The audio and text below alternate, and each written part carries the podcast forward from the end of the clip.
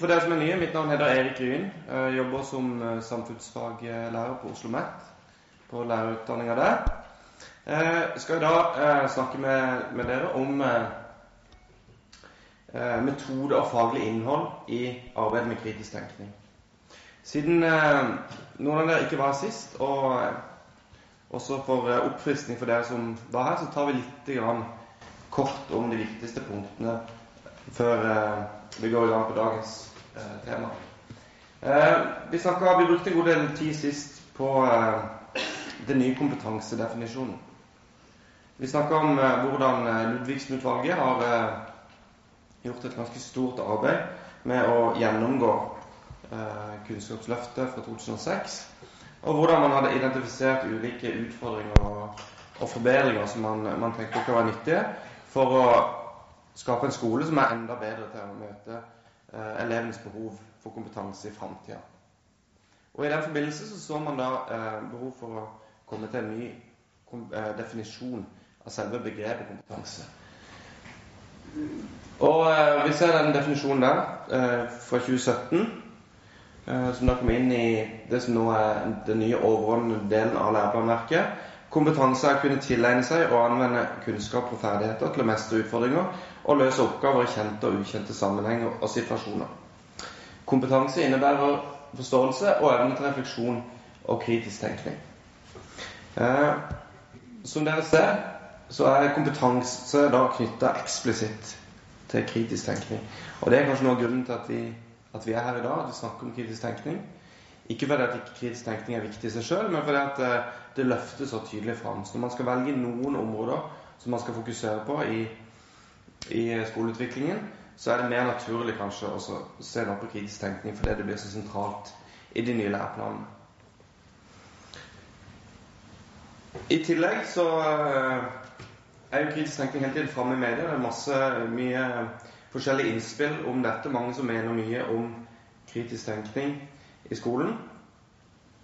For eh, ca. en måned siden så var det et stort oppslag i NRK hvor man, eh, hvor man eh, så med bekymring på at konspirasjonsteorier ser ut til å være stadig mer utbredt blant ungdom. La oss se på et lite klipp her fra får opp det her En liten reportasje på Dagsrevyen om dette her eh, fenomenet konspirasjonsteorier og kritisk tenkning. Lærere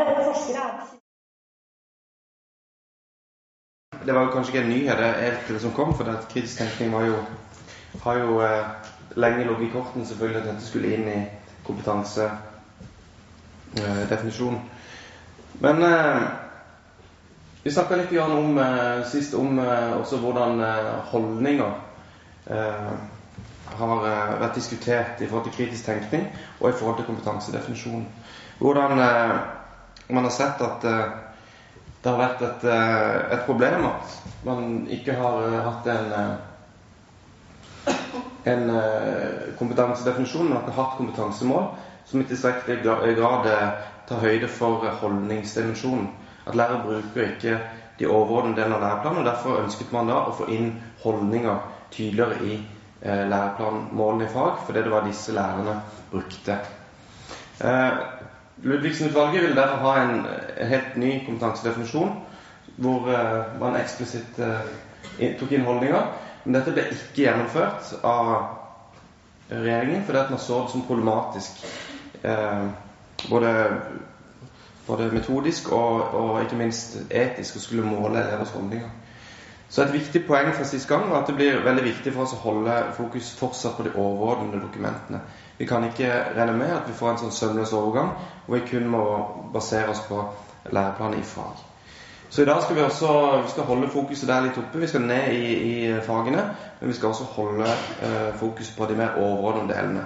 Særlig fagets kjerneelementer kommer vi til å jobbe eh, ganske mye med i dag. I tillegg eh, eh, Forrige gang så, så vi på disse her eh, ulike fagtradisjonene. Hvordan kritisk tenkning har blitt jobbet med i skolen.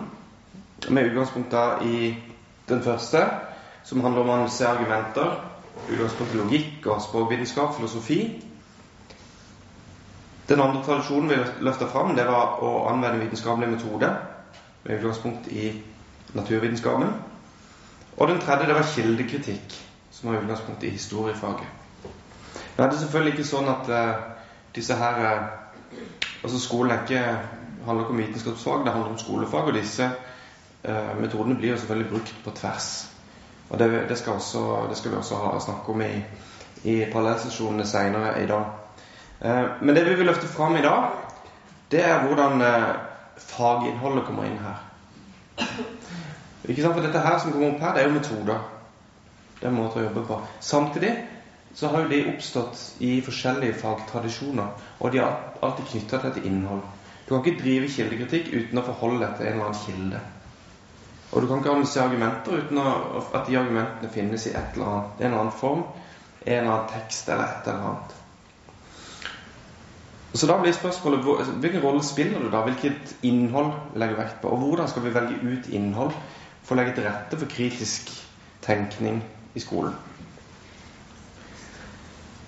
Ehm, for å sette det litt på spissen handler kritisk tenkning først og fremst om at eleven skal lære å beherske bestemte metoder, uavhengig av faginnhold? Eller er det sånn at innholdet i undervisninga spiller den viktigste rollen, uavhengig av metode? Vi kan allerede nå si at uh, her er det ikke enten-eller. Selvfølgelig må vi ha med begge, begge delene. Men det ligger vel ganske interessant å se hvordan disse her spiller sammen og hvordan de vektlegges litt ulikt i ulike uh, teorier. For det får ganske stor betydning for hvordan vi tenker didaktisk som lærere når vi skal legge til rette for kritisk tenkning i våre klasserom. Og ikke minst for hvordan vi kan forstå progresjon i kritisk tenkning. Handler det kun da om å beherske en metode mer og mer eh, Altså mye bedre beherskelse av metode, eller handler det om eh, at man må utvikle en forståelse av et faginnhold parallelt med eh, metodisk forståelse. Vi skal fortsette å holde blikket på disse dokumentene her. Læreplanfornyelsen eh, er sentralt. Og eh, hvordan vi forstår kritisk tenkning, handler jo rett og slett da om hvordan vi kan jobbe videre med disse dokumentene når disse skal implementeres og disse skal jobbes med i skolen. Vi venter jo fortsatt på, som dere vet, på de endelige kompetansemålene i fag. Det kommer en ny skisse nå i slutten av, av mars, som forhåpentligvis eh, begynner å ligne ganske mye på det som kommer til å være de endelige læreplanene som skal foreligge eh, over sommeren en gang.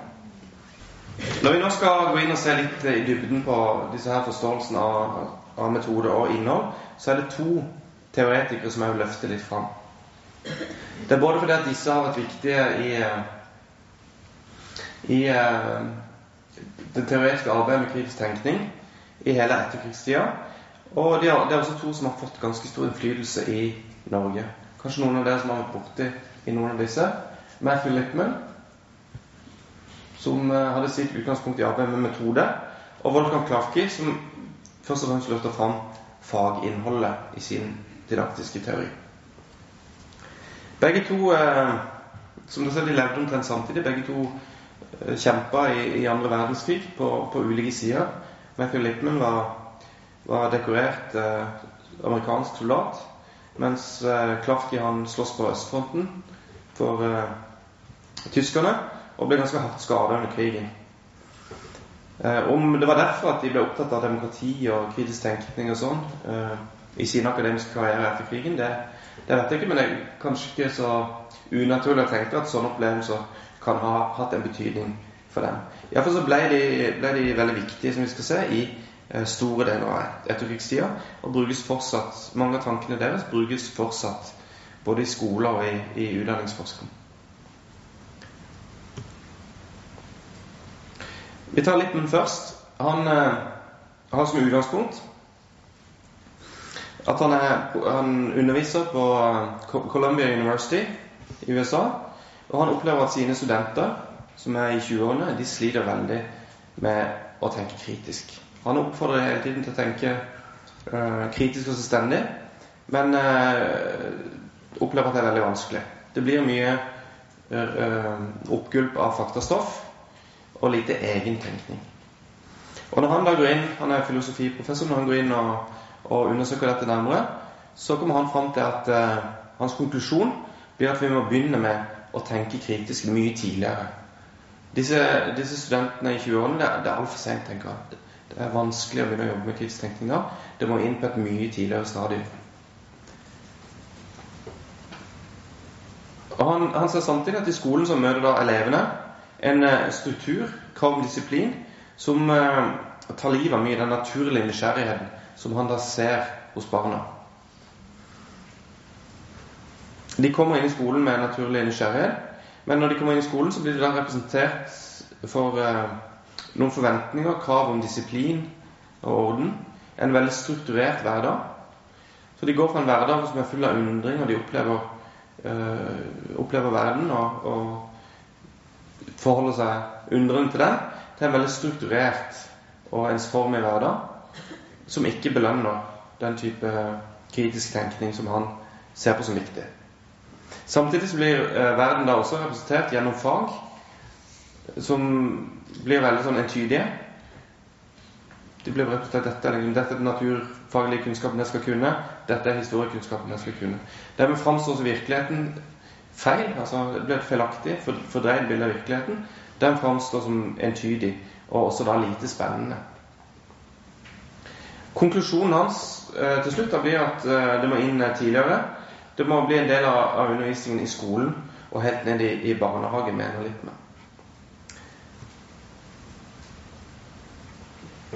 ut disse, disse slidene finner dere på skoleliv.no etter hvert, så dere trenger ikke notere ned eh, alt det som eh, kommer opp her nå.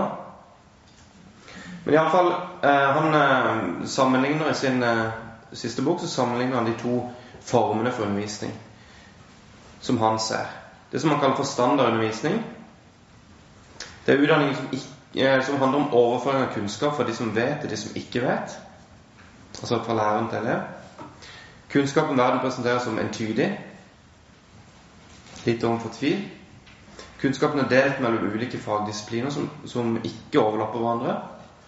Og disse disiplinene dekker da alt det du trenger å vite om, om verden. Læreren er først og fremst en kunnskapsautoritet. Altså læreren har rett, nærmest per definisjon. Og elever eh, Det, det er et syn på kunnskapsdannelse eh, hvor man tenker at elevene da oppnår kunnskap ved bare å absorbere fagene. Absorbere mest mulig av, av disse bitene av, av, informasjon som er delt mellom da de ulike skolefagene.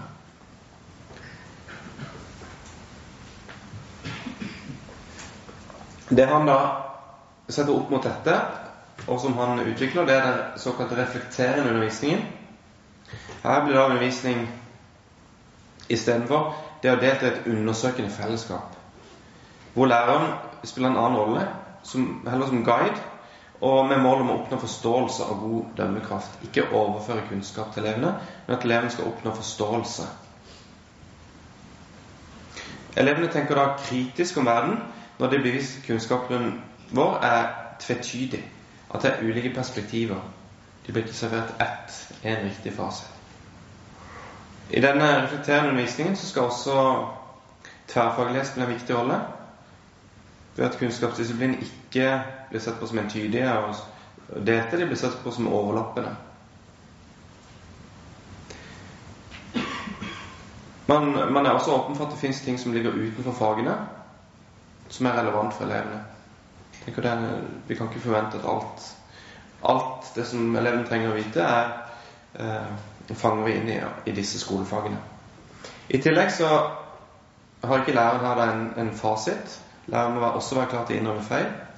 Læreren er riktignok en mer trenet uh, utøver, da, vi skal kalle det, i dette undersøkende fellesskapet. Men i prinsippet så er, er ikke lærerens rolle noe annet enn elevene sin bortsett fra at læreren har mer erfaring. Så i prinsippet så må læreren da kunne la seg overbevise og endre oppfatning.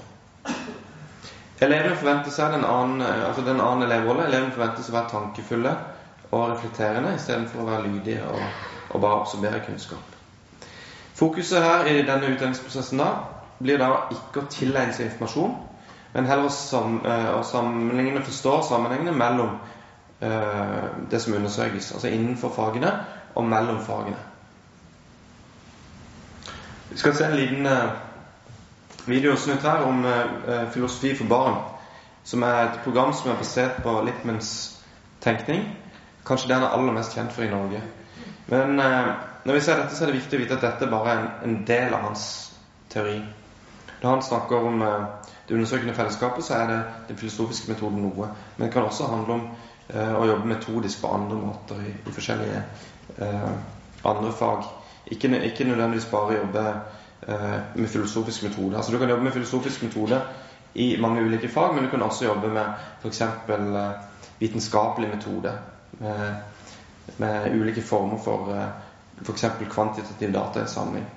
Eh, og fortsatt holde det innenfor det undersøkende fellesskapet. Men denne, denne videoen her synes jeg viser ganske tydelig hvor, altså, mye av grunnlaget for Lippmanns tenkning.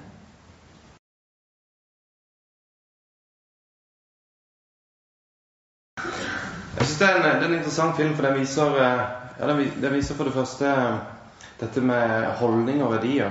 Hvordan rektoren her beskriver at eh, arbeidet med den metoden da har ført til, til empati og, og, mer refleksjon. Altså at foreldrene rapporterer at, at denne metoden har hatt en effekt.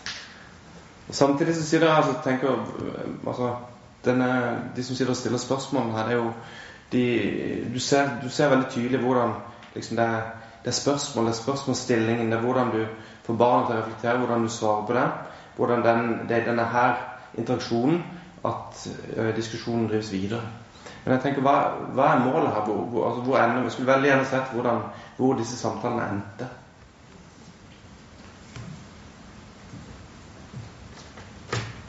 Um, og tenkningen, tenkningen til Lippmann den er nettopp knytta til metode. Det ser vi når vi går inn og, og kikker på på det han har skrevet. Jeg har tatt ett sitat der som jeg, jeg syns beskriver ganske tydelig hans uh, syn på, på, metode. Han sier det at uh, det er en, dia en, dialog som følger logiske prinsipper, beveger seg indirekte framover som en seilbåt som krysser opp mot vinden. Men i prosessen så reflekterer framdriften i dialogen selve tankeprosessen. Når deltakerne på denne måten gjør prosessen til sin egen, så begynner de å tenke på en måte som reflekterer prosedyren. De begynner å tenke slik prosessen tenker. Og til sist er slik prosessen tenker. Det er altså metoden som er helt essensiell her. Dialogen skjer i en eh, interaksjon hvor man kommer med tanker, bryner seg på andres tanker, og sammen da beveger seg fram til en mer og mer riktig, en mer og mer fullstendig forståelse av verden. Og det er altså metoden som er det helt essensielle. Og da blir jo spørsmålet som litt, men også selvfølgelig må ta stilling til hvilken rolle spiller faginnholdet her. For det, man kan jo ikke hevde at man, man, har undervisning uten å forholde seg til et innhold. Lippmann han deler det opp i tre. Han sier at uh, vi har uh, for det første en det han kaller for tenkning om metode. Dette er såkalt metakognisjon. Noen kjenner dette kanskje fra disse her trent tanken-strategiene. Er det noen som har borti det? Ja, noen. Um, og det er også noe som kommer tydeligere inn i, i, i læreplanen nå. Dette med å lære og lære og sånn har jo vært bevissthet rundt tidligere. Læringsstrategier og sånn. Nå kommer dette begrepet metakognisjon kanskje enda tydeligere fram. Men det, det, handler, det, handler, veldig mye om dette. Tenke om prosessen. Og så sier han du kan ha ren tenkning om fagstoff uten å anvende metoder. Så da tenker du bare på fakta sånn helt uh, ureflektert i forhold til metode. Og så sier han for det tredje at du kan ha det han kaller for integrert tenkning. Og det er jo det han er mest opptatt av. Tenkning om fagstoff gjennom metode for oss litt, vil jo at man skal, at man skal forholde seg til fag, man skal lære fag. Men det, den faglige læringen skjer da eh, først og fremst gjennom valg av metode. Ja, for Han sier det at hvis vi bare ønsker å lære elevene et bestemt faglig innhold, så kan vi ikke regne med forbedring i dømmekraften deres. Altså Dømmekraft her kan vi oversette med kritisk tenkning. Det er det samme. Altså evnen til å ta rasjonelle, selvstendige valg basert på eh, rasjonell vurdering av alternativene. Men dersom vi underviser innholdet på en kritisk måte for å oppøve dømmekraften deres, vil de oppnå en ferdighet som kan brukes til å gjøre kritiske vurderinger i andre situasjoner. Så altså ved å implementere metoden, ved å jobbe med fagstoffet på en bestemt måte, så kan vi da oppnå eh, dømmekraft eller kritisk tenkning som da kan overføres, en evne som kan overføres eh, til å eh, gjøre kritiske vurderinger i andre situasjoner. Der ser at vi ligger ganske tett opp til ideen om kompetanse her, ikke sant? Ved å jobbe med et bestemt fagstoff på en måte, så tilegner du noen kompetanser som du da kan overføre og bruke i andre sammenhenger. Lippmann setter det opp sånn. Han, eh, han bryter da mål om dømmekraft. Kritisk tenkning bryter han da ned i, i sånn underkategorier. Uh, Dette er hans eksempler. Han snakker f.eks. om historisk dømmekraft som du oppnår da gjennom å arbeide med historie. Når du arbeider da med, med noe historisk innhold på en uh, måte som samsvarer med hans metode, så vil du oppnå historisk dømmekraft. Da vil du kunne forholde deg til annet historisk stoff på en, på en kritisk måte. Det samme vil gjelde litteratur, økologi, alle andre fagområder. Og så kan man tenke seg at man kan bryte dette ned i enda mindre uh, biter. ikke sant? At man kan snakke om moderne historisk dømmekraft eller historisk dømmekraft. Man Kan, eh, jo mer spesialisert man blir, jo mer uh, finmaska vil dette her, nettet her blir. det. Men det overordna målsettingen, det som alt skal bygge opp under, det er uh, denne hoved, dette hovedmålet om kritisk tenkning. Han ser for seg at alle disse her faglige områdene på en eller annen måte skal spille sammen, sånn at du får en eh, Dette er ikke en oppdelt kompetanse. Selv om du forholder deg til ulikt fagstoff, så er det et mål om å kunne forholde deg til verden, det du ser rundt deg, på en kritisk måte. Skal vi se Da har vi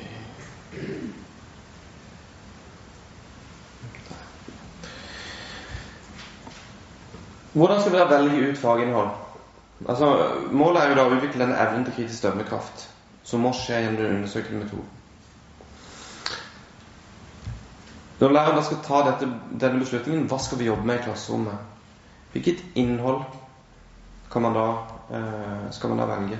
Hvordan kan man finne det gode innholdet som kan trene opp kritisk dømmekraft? Det blir jo det, blir jo det sentrale spørsmålet ikke sant, her når det gjelder innhold, utvalg av innhold i Lippens teori.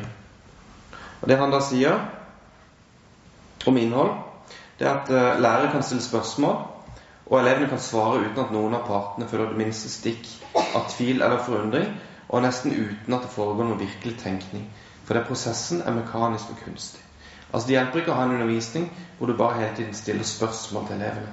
Det er ikke det samme som å jobbe med denne metoden. Hvis, uh, hvis prosessen er mekanisk, hvis elevene allerede uh, altså Hvis det er faktaspørsmål, hvis elevene uh, forventes å komme et riktig svar, da er ikke dette da blir ikke dette kritisk tenkning. På den annen side sier han, er det noen øyeblikk hvor utspørringen begynner fordi man har møtt på noe, et avvik, noe merkelig, noe som ikke kan tas for gitt, og som fanger oppmerksomheten eh, vår og krever refleksjon og undersøkelse. Altså Dette er på en måte det gylne øyeblikket for, for Lippmann. Når eh, man ser et eller annet som ikke stemmer, et eller annet man vil undersøke. Da kan eh, arbeidet, det undersøkende fellesskapet begynne. Så En uh, liten diskusjon vil jeg gjerne ta nå på bordet deres. En, eh, en fem minutter på det spørsmålet her. Hva er gode eksempler på faginnhold som kan brukes for å trene opp kritisk dømmekraft? Tenk gjerne på, på deres fag, eller, eller, på flere fag, eller erfaringer dere har. Og så Poenget her er å komme fram til fagstoff hvor det ikke er et riktig svar. Det er flere perspektiver som løftes fram. Jeg sa vi skulle snakke litt om eh, de læreplandokumentene i fagfornyelsen som foreløpig ligger fram. Og selv om vi nå bare har skisser når det gjelder de enkelte fag, så har jeg tatt meg frihet å, kikke litt på de og legge fram noen eksempler bare for hvordan disse læreplangruppene har tenkt. Og Da blir det selvfølgelig viktig å vite at dette er ikke endelige vedtatte ting. Dette er forslag. Eh, men jeg tok opp to eh, forslag til kompetansemål som eh, jeg mener viser eh, hvordan eh, man i, samfunnsfag og KLE har tenkt på en måte som reflekterer litt Lippmans tankegang. Hvor, de, hvor, det da står at målet for opplæringen er at elevene skal kunne drøfte ulike perspektiv på hendinger og debatter som preger samfunnet i samfunnsfag. Og det står i KLE at man skal identifisere og drøfte etiske dilemmaer knytta til ulike former for kommunikasjon. Eh, det som er interessant her, er jo at man får fram så tydelig at det er spenninger, det er ulike perspektiver, det er dilemmaer. Men hva er det man ikke ser her? Jo, det er jo hvilke eh, hendelser, hvilke typer hendelser er det man skal jobbe med. Hvilke typer etiske dilemmaer er det man skal gå inn på. Det står det ingenting om her. Det blir det opp til læreren å avgjøre. Her blir lærerens rolle veldig, veldig viktig. Og Vi ser en ganske tydelig parallell mener jeg, mellom Lippmanns begrep om dømmekraft, hans forståelse av kritisk tenkning, og kompetansebegrepet i fagfornyelsen. Den eh, leste vi opp i stad, så jeg gjør ikke det igjen, den definisjonen som vi har nå. Men det som går igjen, er at kunnskap på et vis mangler egenverdi. Og først og fremst er et middel til å utføre noe. Kunne gjennomføre noe. Det betyr ikke at kunnskap ikke er viktig. Men det betyr at kunnskap først og fremst har du fordi du skal kunne benytte den til å løse utfordringer, møte eh, bestemte situasjoner og oppgaver i forskjellige sammenhenger i framtida. Det ser vi både hos Lippmann, og vi ser det i Kunnskapsløftet, eller fagfornyelsen. Så skal vi se på Klafki, som, eh, som, som jeg sa jobber med mye av det samme som Lippen, men som hadde et ganske ulikt eh, kom til ganske ulike svar, egentlig. Og Når vi ser på, på Wolfgang Klafki, så må vi ta litt om den tyske pedagogiske og didaktiske tradisjonen. For den er så tett knyttet opp til begrepet om dannelse eller danning. Wilhelm von Humboldt, en av de store, store teoretikerne i den tyske tradisjonen, dannelsestradisjonen, han beskrev dannelse som eh, det selvstendige individ som av egen kraft setter scenen for sin selskaping i møte med verden, kulturen og lærestoffet. Altså danningsprosessen, danningen, det er rett og slett eh, hvordan et selvstendig og kritisk individ dannes, altså blir til, i et samspill mellom verden og eh, subjekt, altså, altså menneske. Altså det som ligger inni oss, og det som ligger uten, utenfor oss. Det er i møte med en kultur, en, en verden rundt oss. Det er sånn vi blir til som uh, selvstendige mennesker.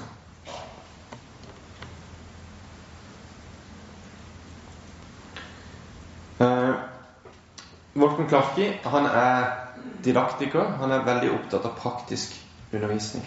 Så han er ikke på noen måte liksom, fornøyd med at danning skal være et overordnet ideal. Det er jo sånn vi ofte snakker om danning eh, i Norge. Vi snakker om det når vi snakker om den generelle delen av læreplanen. I festtaler og sånn kommer det ofte opp, og ofte så vil mange si at danning er Vi kan ikke bruke det begrepet så mye, for det er så overordnet, det er så abstrakt. Klafki mener at eh, ja, det handler om overordnede verdier og idealer, men de må gjennomsyre undervisningen vår. Vi kan ikke bygge en didaktikk, vi kan ikke bygge en undervisning som ikke har en sammenheng med danningsinnholdet. Så her ser vi hos Klafken et forsøk på å skape denne sammenhengen som eh, også Ludvigsen-utvalget var ute etter. Sammenhengen mellom overordnet og eh, det, og eh, det konkrete læreplanen, det konkrete som skjer i klasserommet. Utgangspunktet for Klafki er at utdanning er en grunnleggende normativ virksomhet. Altså, det, noe, det, å drive med i skolen er noe helt annet enn å drive med eh, f.eks. Eh, utdanning på universitetet. Allmenndanning er en prosess som skal omfatte alle. Og mens uh, et universitetsfag, f.eks. Si statsvitenskap, må ikke, de som underviser det, må ikke begrunne virksomheten sin ut fra bestemte normative kriterier. Det er ikke sånn at, skal, at studenten skal bli demokratiske eller få positive holdninger til likestilling. De skal først og fremst fordype seg i vitenskap. Mens i skolen så har man et eksplisitt normativt eh, siktemål. Og dermed blir skolen en veldig viktig del av et demokrati. Hvordan et demokrati kan, eh, kan eh, sikre og bygge opp verdigrunnlaget sitt. Dette her betyr for Klafken at all undervisning må begrunnes normativt. Han går så langt som å si at all undervisning som ikke har en danningsorientering, eh, kaller han for meningsløs. Den har ingen eh, verdi som ute. Han deler opp da dannelse i tre. Han sier det handler om selvbestemmelse, dvs. Si individet da, som kan ta selvstendige egne valg i livet sitt. Det handler om medbestemmelse, å kunne delta i demokratiske prosesser sammen med andre. Og det handler om evne til solidaritet. Det bygger på sant, det, vi kjenner fra det kategoriske imperativet, den gylne regel, om at du kan ikke forbeholde visse rettigheter for deg sjøl. Du kan ikke si at jeg skal ha selvbestemmelsesrett, vi skal ha medbestemmelsesrett, hvis ikke man samtidig forplikter seg til å jobbe for at andre skal ha de samme rettighetene. At dette er universelle verdier som må gjelde alle. Ettersom undervisningen da alltid må begrunnes normativt, så blir kritisk tenkning en bærebjelke her hos Klafke. For dette er jo kriterier. Vi har et kriterium om at utdanning skal føre til, til selvbestemmelse, medbestemmelse og solidaritet, og da må vi vurdere alt i forhold til det. Klafke han eh, går inn og ser på ulike analyserer ulike syn på kunnskap og læring. Han ser på de såkalte materiale synene. Når det står eh, danning her, så kunne vi like godt skrevet utdanning. For, for, det, her, for han blir det det samme. Så han ser på, på de materiale. Klassisk danning og objektivisme. Materiale betyr at her er det en tanke om at det er innholdet som har betydning. Og så ser man på de formale. Her er det ikke innholdet som har betydning. Her er det øh, den som blir dannet. Her skjer danningen, utdanningen, på grunnlag av øh, trekk ved mennesket som, som, utvikler seg.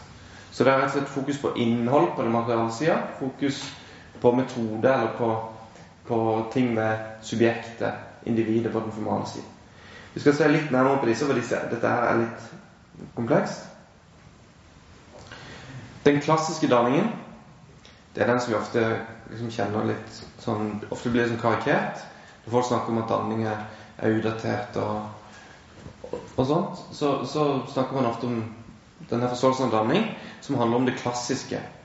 Det å kunne tilegne seg det å kunne lese Homer eller, eller Shakespeare eller, eh, eller, kunne spille Mozart og sånn, det blir tegn på at man er dannet. Og tanken er da at, at, det er noe innhold, det er et bestemt innhold i verden som har høyere verdi enn noe annet. Så klassisk litteratur f.eks. har en bestemt verdi fordi det viser noe sånn grunnleggende menneskelig. Og ved at mennesket da åpner seg for dette, så får dette stoffet på en måte virke inni oss. Sånn tenker man. Så man er på en måte Subjektet er passivt. Man bare tilegner seg denne her klassiske danningen. Dette var Klafki ganske kritisk til, for han eh, mente jo at dette var veldig udemokratisk. Det er ikke holdbart i et moderne samfunn. For det er hvem er det som da definerer hva som har verdi? Det er jo ofte eliten i et samfunn. I tillegg så får det et veldig passivt eh, elevsyn. Så ser man på objektivisme. Det er en måte å se på, på danning på som oppstår i kjølvannet av den vitenskapelige revolusjonen. Her er leksikonet essensielt. Dette er Diderot som lagde det første leksikonet. I dag vil jo dette være Wikipedia, ikke sant? Typisk. Men for noen år siden så hadde jo alle familier hadde jo dette leksikonet i, i hyllen sin. Det var et, en veldig sterk tro på objektiv eh, kunnskap, vitenskapelig basert kunnskap. Hvis man bare kan tilegne seg den, hvis man kan få masse kunnskap som er vitenskapelig basert, som er kommet fram gjennom vitenskapelig metode, så vil man bli dannet. Igjen så er mennesket ganske passivt. Du sitter der, du leser leksikon, du lytter, hører på nyhetene. Hva det er. Du får inn masse objektiv, god informasjon. Eh, det er ikke så mye som skjer i individet. Dette er også Klafki eh, motstander av, fordi at dette er eh, et passivt elevsyn. Og det er et syn på kunnskap som ikke er holdbart. Altså Det framstiller vitenskapelig kunnskap som hogget i stein. At det som vitenskapen til enhver tid kommer fram til, at det er som riktig, ikke kan eh, motbevises. Og det, det, stemmer jo ikke med sånn vitenskap fungerer. Her til nå så er Lippmann og Klafki veldig på samme linje, egentlig. Begge er motstandere av disse her eh, materielle forståelsene av, av utdanning på. Denne puggeskolen og det passive elevrådet. Men Klafki han er også kritisk til den, mye på den funksjonelle siden, altså på elevsiden. Eh, Når han snakker om funksjonell danning, da er vi inne på bl.a. Rousseau, som vi ser her. Tidlig kritikere av opplysningstida, troen på den universelle eh, menneskelige fornuften. Og kritikere av det moderne samfunnet mente at mennesket i det moderne samfunnet blir noe løsrevet fra, fra naturen. Og Vi ser mange av disse strømningene i den tyske romantikken. Vi ser de også igjen i den såkalte reformpedagogikken. Eh, Steinerpedagogikk, eh, Montessori og sånt bygger på mye av dette. Og Tankegangen er at det ligger masse sånn iboende naturlige evner i oss mennesker. Er med sånn organisk. Du nesten ser på mennesket som en, som en eh, en, en, plante eller et annet sånt som bærer i seg et potensial. Og det viktigste med utdanningen er å ikke legge stengsler på dette her. Mest mulig fri utfoldelse. Da vil mennesket kunne eh, ut, utvikle seg til sitt fulleste potensial.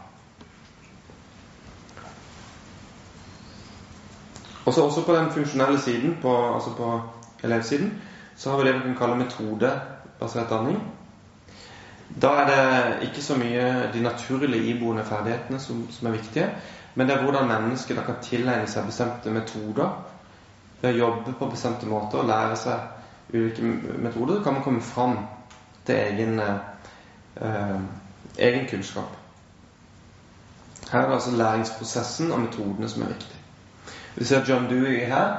Deler hans forfatterskap handler om dette. Dette er den vitenskapelige metoden som han skriver om hvor man bygger på erfaring, observasjon og refleksjon.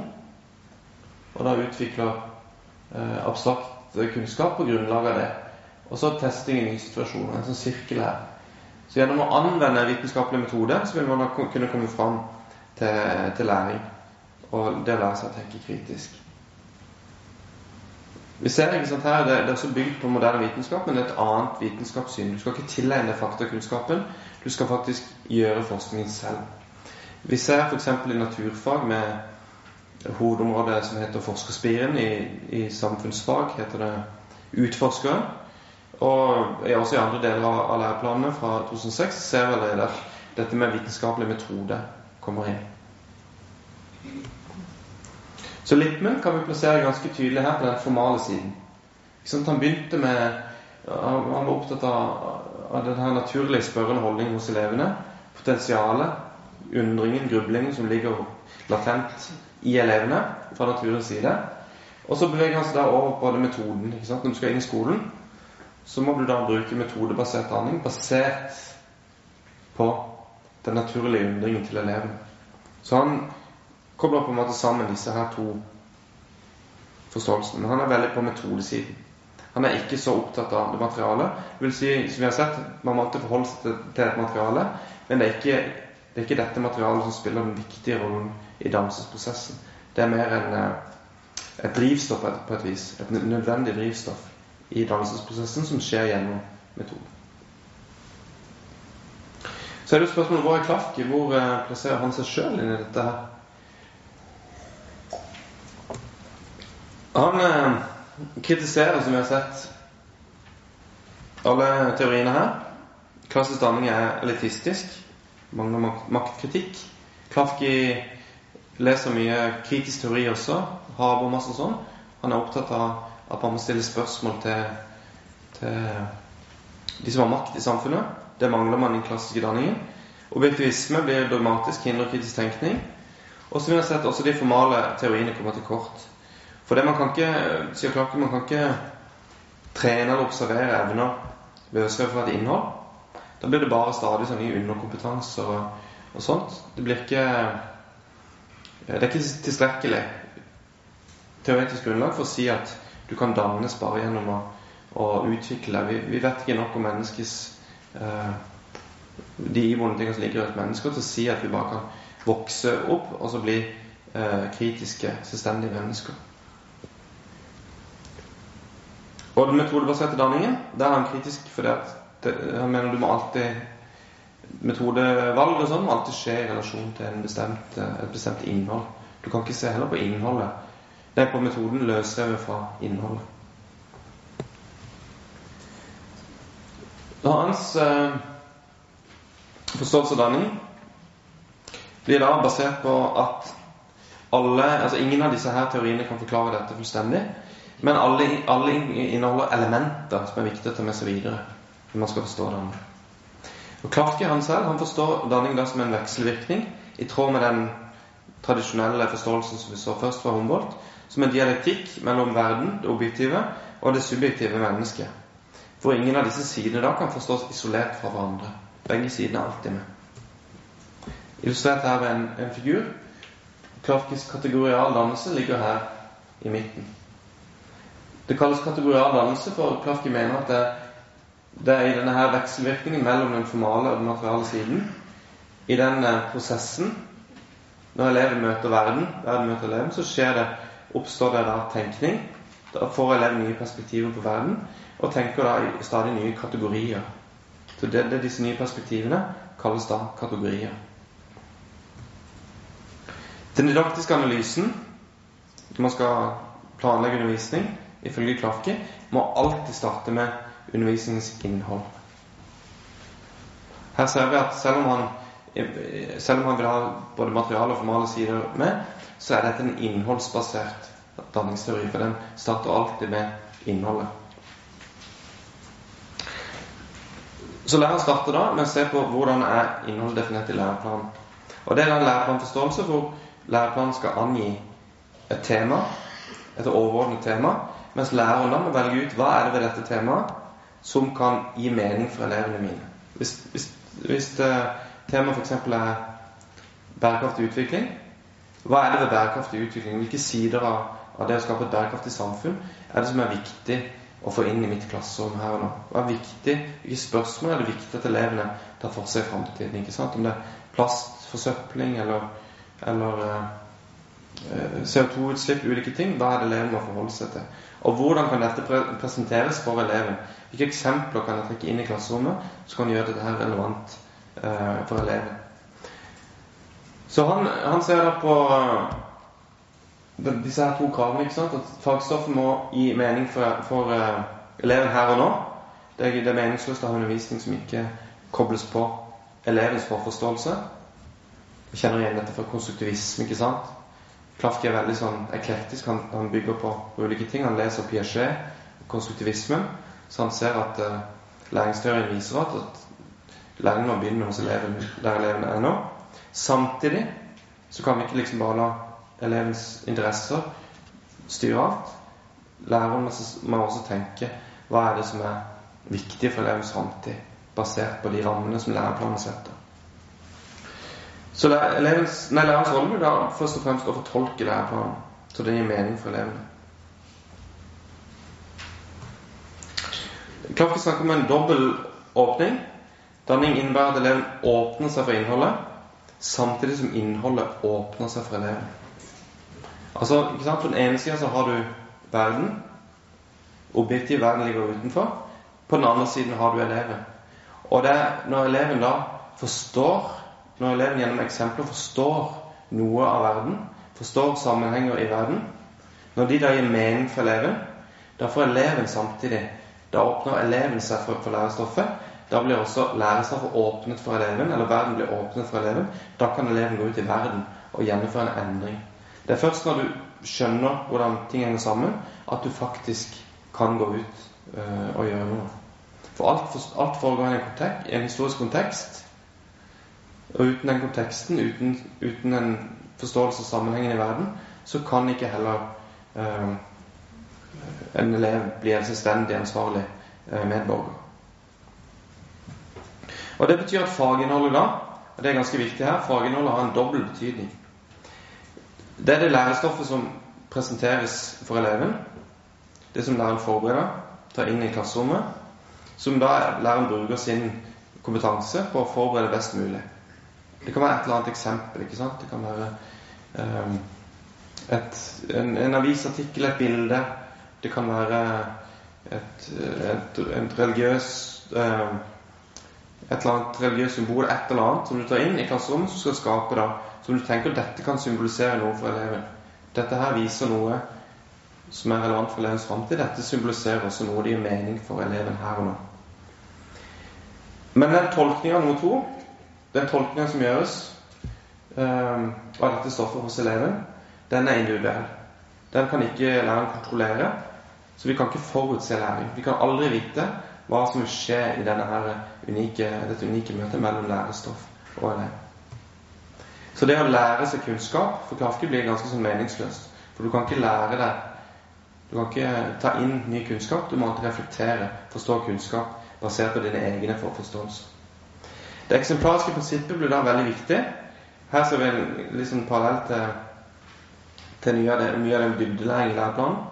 Du skal velge ut da eksempler som belyser noe allment. Dette symbolet, dette bildet, dette her, den teksten som du velger ut til undervisninga di, må kunne symbolisere noe utover den enkelte eh, saken.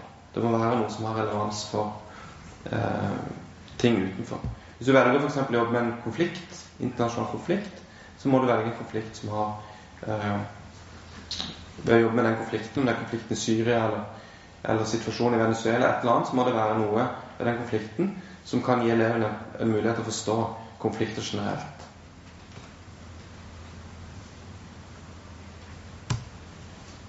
Hva da med metoden? Hva sier Clark om det? Han sier at eh, metoden er viktig, men den ligger på en måte innebygd i faginnholdet.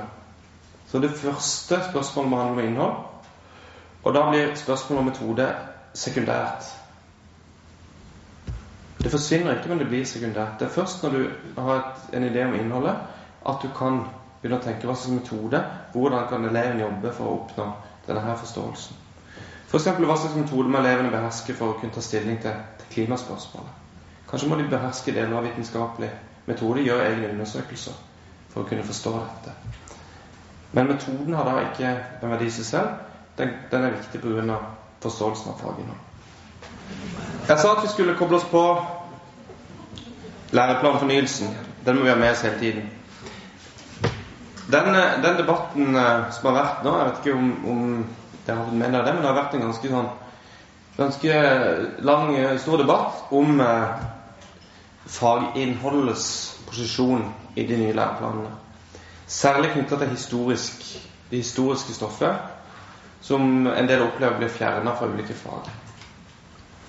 Eh, en av disse som har uttalt seg, det er Kirsten Sivesin, som er førsteamanuensis i pedagogikk ved Universitetet i Oslo. Hun uttalte i Klassekampen um, det at når læreplanene skulle utarbeides før i tida, så tok man utgangspunkt i de ulike fagene og hvilke stoffområder det skulle undervises i. Det var en bred tilnærming til faglig innhold, og det ble gjort en vurdering på hvilke tema man skulle gå gjennom i undervisningssammenheng. Læring var altså forstått uh, som et resultat av god undervisning tilpasset elevenes nivå og interesser. Læreplanen spesifiserte imidlertid ikke prosess eller resultatmål på læring. Altså Det sto i læreplanen om hvilke temaer man skulle velge. Det er et viktig element i læreplanutviklinga. Så sto det også noen sånne metoder som bruke, kunne brukes i undervisning. Men det sto ikke noe om hva eleven skulle utføre. Eller skulle gjennomføre noe, noe, spesielt. Det sto ikke det i læreplanen. I tillegg så var læreplanen også da de var, Det var mønsterplaner, de var veiledende. Nå er, de, nå er det bindende planer. En annen som har uttalt seg, Preben Foros, også i Klassekampen, han uttalte at eh, gjennom uklare læringsmål så kommer de overordnede målene i bakgrunnen, uansett hvor flotte de ellers er. Alle ønsker barn som undersøker, utforsker, analyserer og drøfter, men formalbegrepene peker ikke ut noen klar kurs for norsk skole. Altså kritiserer at det blir en overvekt av eh, disse formalbegrepene, overvekt av fokus på egenskaper eh, som elevene skal ha, ting de skal kunne utføre og ting som da skal kunne måles. Hvis vi ser her på de tradisjonelle læreplanene, hvordan det har vært, så har det som sagt vært et eh, mål om å angi det viktigste innholdet i skolefagene. Og Det er da opp til læreren å tenke kritisk rundt hvilke eksempler kan brukes for å belyse dette innholdet for elevene våre. Hva kan gi mening for elevene? Hva kan uh, ha betydning for elevene i framtida? Altså dette som Klafki dette samsvarer veldig med Klafkis forståelse av eh, læreplan og didaktikk. Testingen basert i stor grad på lærerens skjønn. Skjønnsmessig vurdering. Nå, eh, i de kompetansebaserte læreplanene, som begynte egentlig på 90-tallet, kom med full tyngde inn i 2006, de er såkalt kompetansebaserte. De uttrykker hvilken kompetanse eleven skal sitte igjen med etter endt opplæring i form av kunnskap, ferdigheter og noen gang holdninger. Lærerne finner da de beste metodene for å oppnå kompetansemålene. Altså lærerne har det vi kaller for metodefrihet. Og denne testing, kompetansemålene, betegner noe som skal kunne utføres. Det skal kunne da observeres og testes empirisk. Jeg har vært i Nasjonalbiblioteket og eh, funnet eh, fram eh, litt fra mønsterplanen 74 og sett på hvordan emnet internasjonal politikk ble behandlet der. Dette er det som står om internasjonal politikk i planen for 74. Altså en rekke sånne konkrete faglige ting. Øst-vest-konflikten, våpenkappløp, nedrustning, nord-syd, avhengighet og maktforhold, det norske forsvaret, fredsbevarende innsats, beredskap, forsvarsallianser, norsk utenriks- og sikkerhetspolitikk ganske detaljert. Det står ingenting om eh, eh, hvordan eh, elevene skal Altså hva slags kompetanse elevene skal sitte igjen med. De skal ikke kunne drøfte eller, eller forklare eller presentere eller noe som helst. Det står kun at de skal gå gjennom disse eh, temaene. De eh, overordnede målene for utdanningen de står i de overordnede dokumentene. I praksis så betyr dette her at lærere kan kan tilnærme seg dette på veldig ulikt vis. Noen lærere hadde selvfølgelig undervisning. Mange av dere har jo kanskje uh, kjent til denne fra egen utdanning. Um, gode lærere de klarte å gjøre dette her. ikke sant? Et spennende, levende lærestoff. De klarte å velge ut gode saker og jobbe med kritisk tenkning i klasserommet. Mens andre lærere kanskje hadde fokus mer på å dekke liksom, det viktigste fakta i alle disse her. Så mye av kritikken rundt disse her læreplanene har vært at du kan ikke De spesifiserer ikke faktisk hva elevene skal kunne gjennomføre. Hva de skal kunne. Og at det da blir en risiko for at det bare blir fakta. Ser vi på, på de kompetansemålene som nå foreligger i Som jeg mener kan knyttes til internasjonal politikk, så ser vi at de ser veldig forskjellige ut. Altså Dette er forslaget for 2018. Et sted hvor internasjonal politikk kan komme inn, vil det da være å utforske hvordan samspillet mellom geografiske, historiske og nåtidige forhold har lagt og legger forutsetninger for hvordan mennesket dekker behovene sine. Utvikle og vurdere bærekraftig handlingsalternativ til samfunnsutfordringer lokalt, nasjonalt, i Sápmi og globalt. Eller å gjøre greie for en dagsaktuell konflikt og analysere årsak og virkning. Legg merke til her, det står ingenting om hvilke forhold er det snakker om, hvilke geografiske, historiske nåtidige forhold er det snakk om? Hvilke samfunnsutfordringer er som er viktige? I, i 74-planen var det ganske tydelig bestemt. Her står det ingenting om hvilke her. Hvilke dagsaktuelle konflikter er det man skal analysere årsak-virkningsforhold i? Spiller det noen betydning, eller kan man bare velge en eller annen konflikt som eh, er dagsaktuell, som er framme i media? Det er vel definisjonen på på dagsaktuell. Man kan jo diskutere hvor, hvor, mye Hvor mange av de tingene som media er opptatt av, er faktisk viktige for elevene våre. Det får man ingen støtte til her. Der må læreren selv gjøre en vurdering. Så det er en veldig veldig forskjellig måte å tenke læreplanutvikling på. Som jeg, som jeg, tror blir veldig avgjørende for hvordan man også jobber med kritisk tenkning på i de nye læreplanene. Noe av, noe av det viktigste stedet å holde fokuset nå, tror jeg, det er på kjerneelementene. For de er en viktig bro her. Det var veldig tydelig i, uh, i fagfornyelsen, i det stortingsmelding 28, at uh, kjerneelementene skulle danne utgangspunkt. Fagene skulle stå sentrum. Kjerneelementene skulle bli definert. Altså det viktigste innholdet i hvert fag skulle bli definert. Og dette skulle da danne et utgangspunkt for å få læreplaner som ikke var, hadde altfor mye faginnhold, sånn at man da kunne jobbe i dybden. Man skulle fokusere på å forstå strukturen og sammenhengene innad i hvert fall. Og de, det ganske intense læreplanarbeidet som foregår nå, det handler jo nettopp da om å omsette disse kjerneelementene til kompetansemål. Disse læreplangruppene fått veldig tydelig beskjed om at det er kjerneelementene i hvert fag som skal danne grunnlaget for kompetansemålene. Et stort spørsmål som jeg mener er viktig å se på nå, det er om det faktisk er mulighet å forene to aspekter, to dimensjoner, ved det som læreplanen det man forsøker å få til. For det første læring definert som kompetanse, som da skal kunne brukes som jeg har sett, i andre sammenhenger. Ukjente sammenhenger og situasjoner.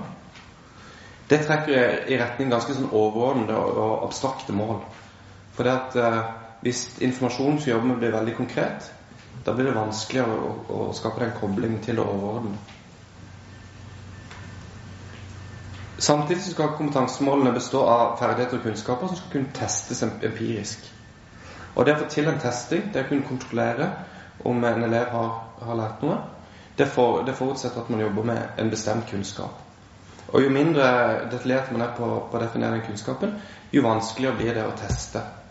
Særlig hvis du skal prøve å teste på tvers av skoler, tvers av fag. Så disse her trekker litt ulike retninger, og jeg er veldig veldig spent på å se hvordan, hvordan de endelige målene blir. da, Om de klarer å finne en, en slags balanse, løse denne her tilsynelatende litt vanskelige, litt vanskelige spenningen som ligger i de kompetansebaserte læreplanene. Uh, Foreløpig så ser det i hvert fall ut til at læreplanene kommer til å stille store krav til lærerne når det gjelder kritisk vurdering av både faglig innhold og metoder.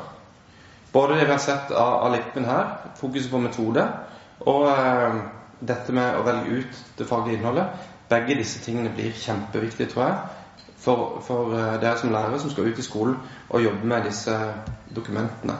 Nettopp fordi dere får så stor frihet, og dermed også et veldig stort ansvar i eh, de nye læreplanene.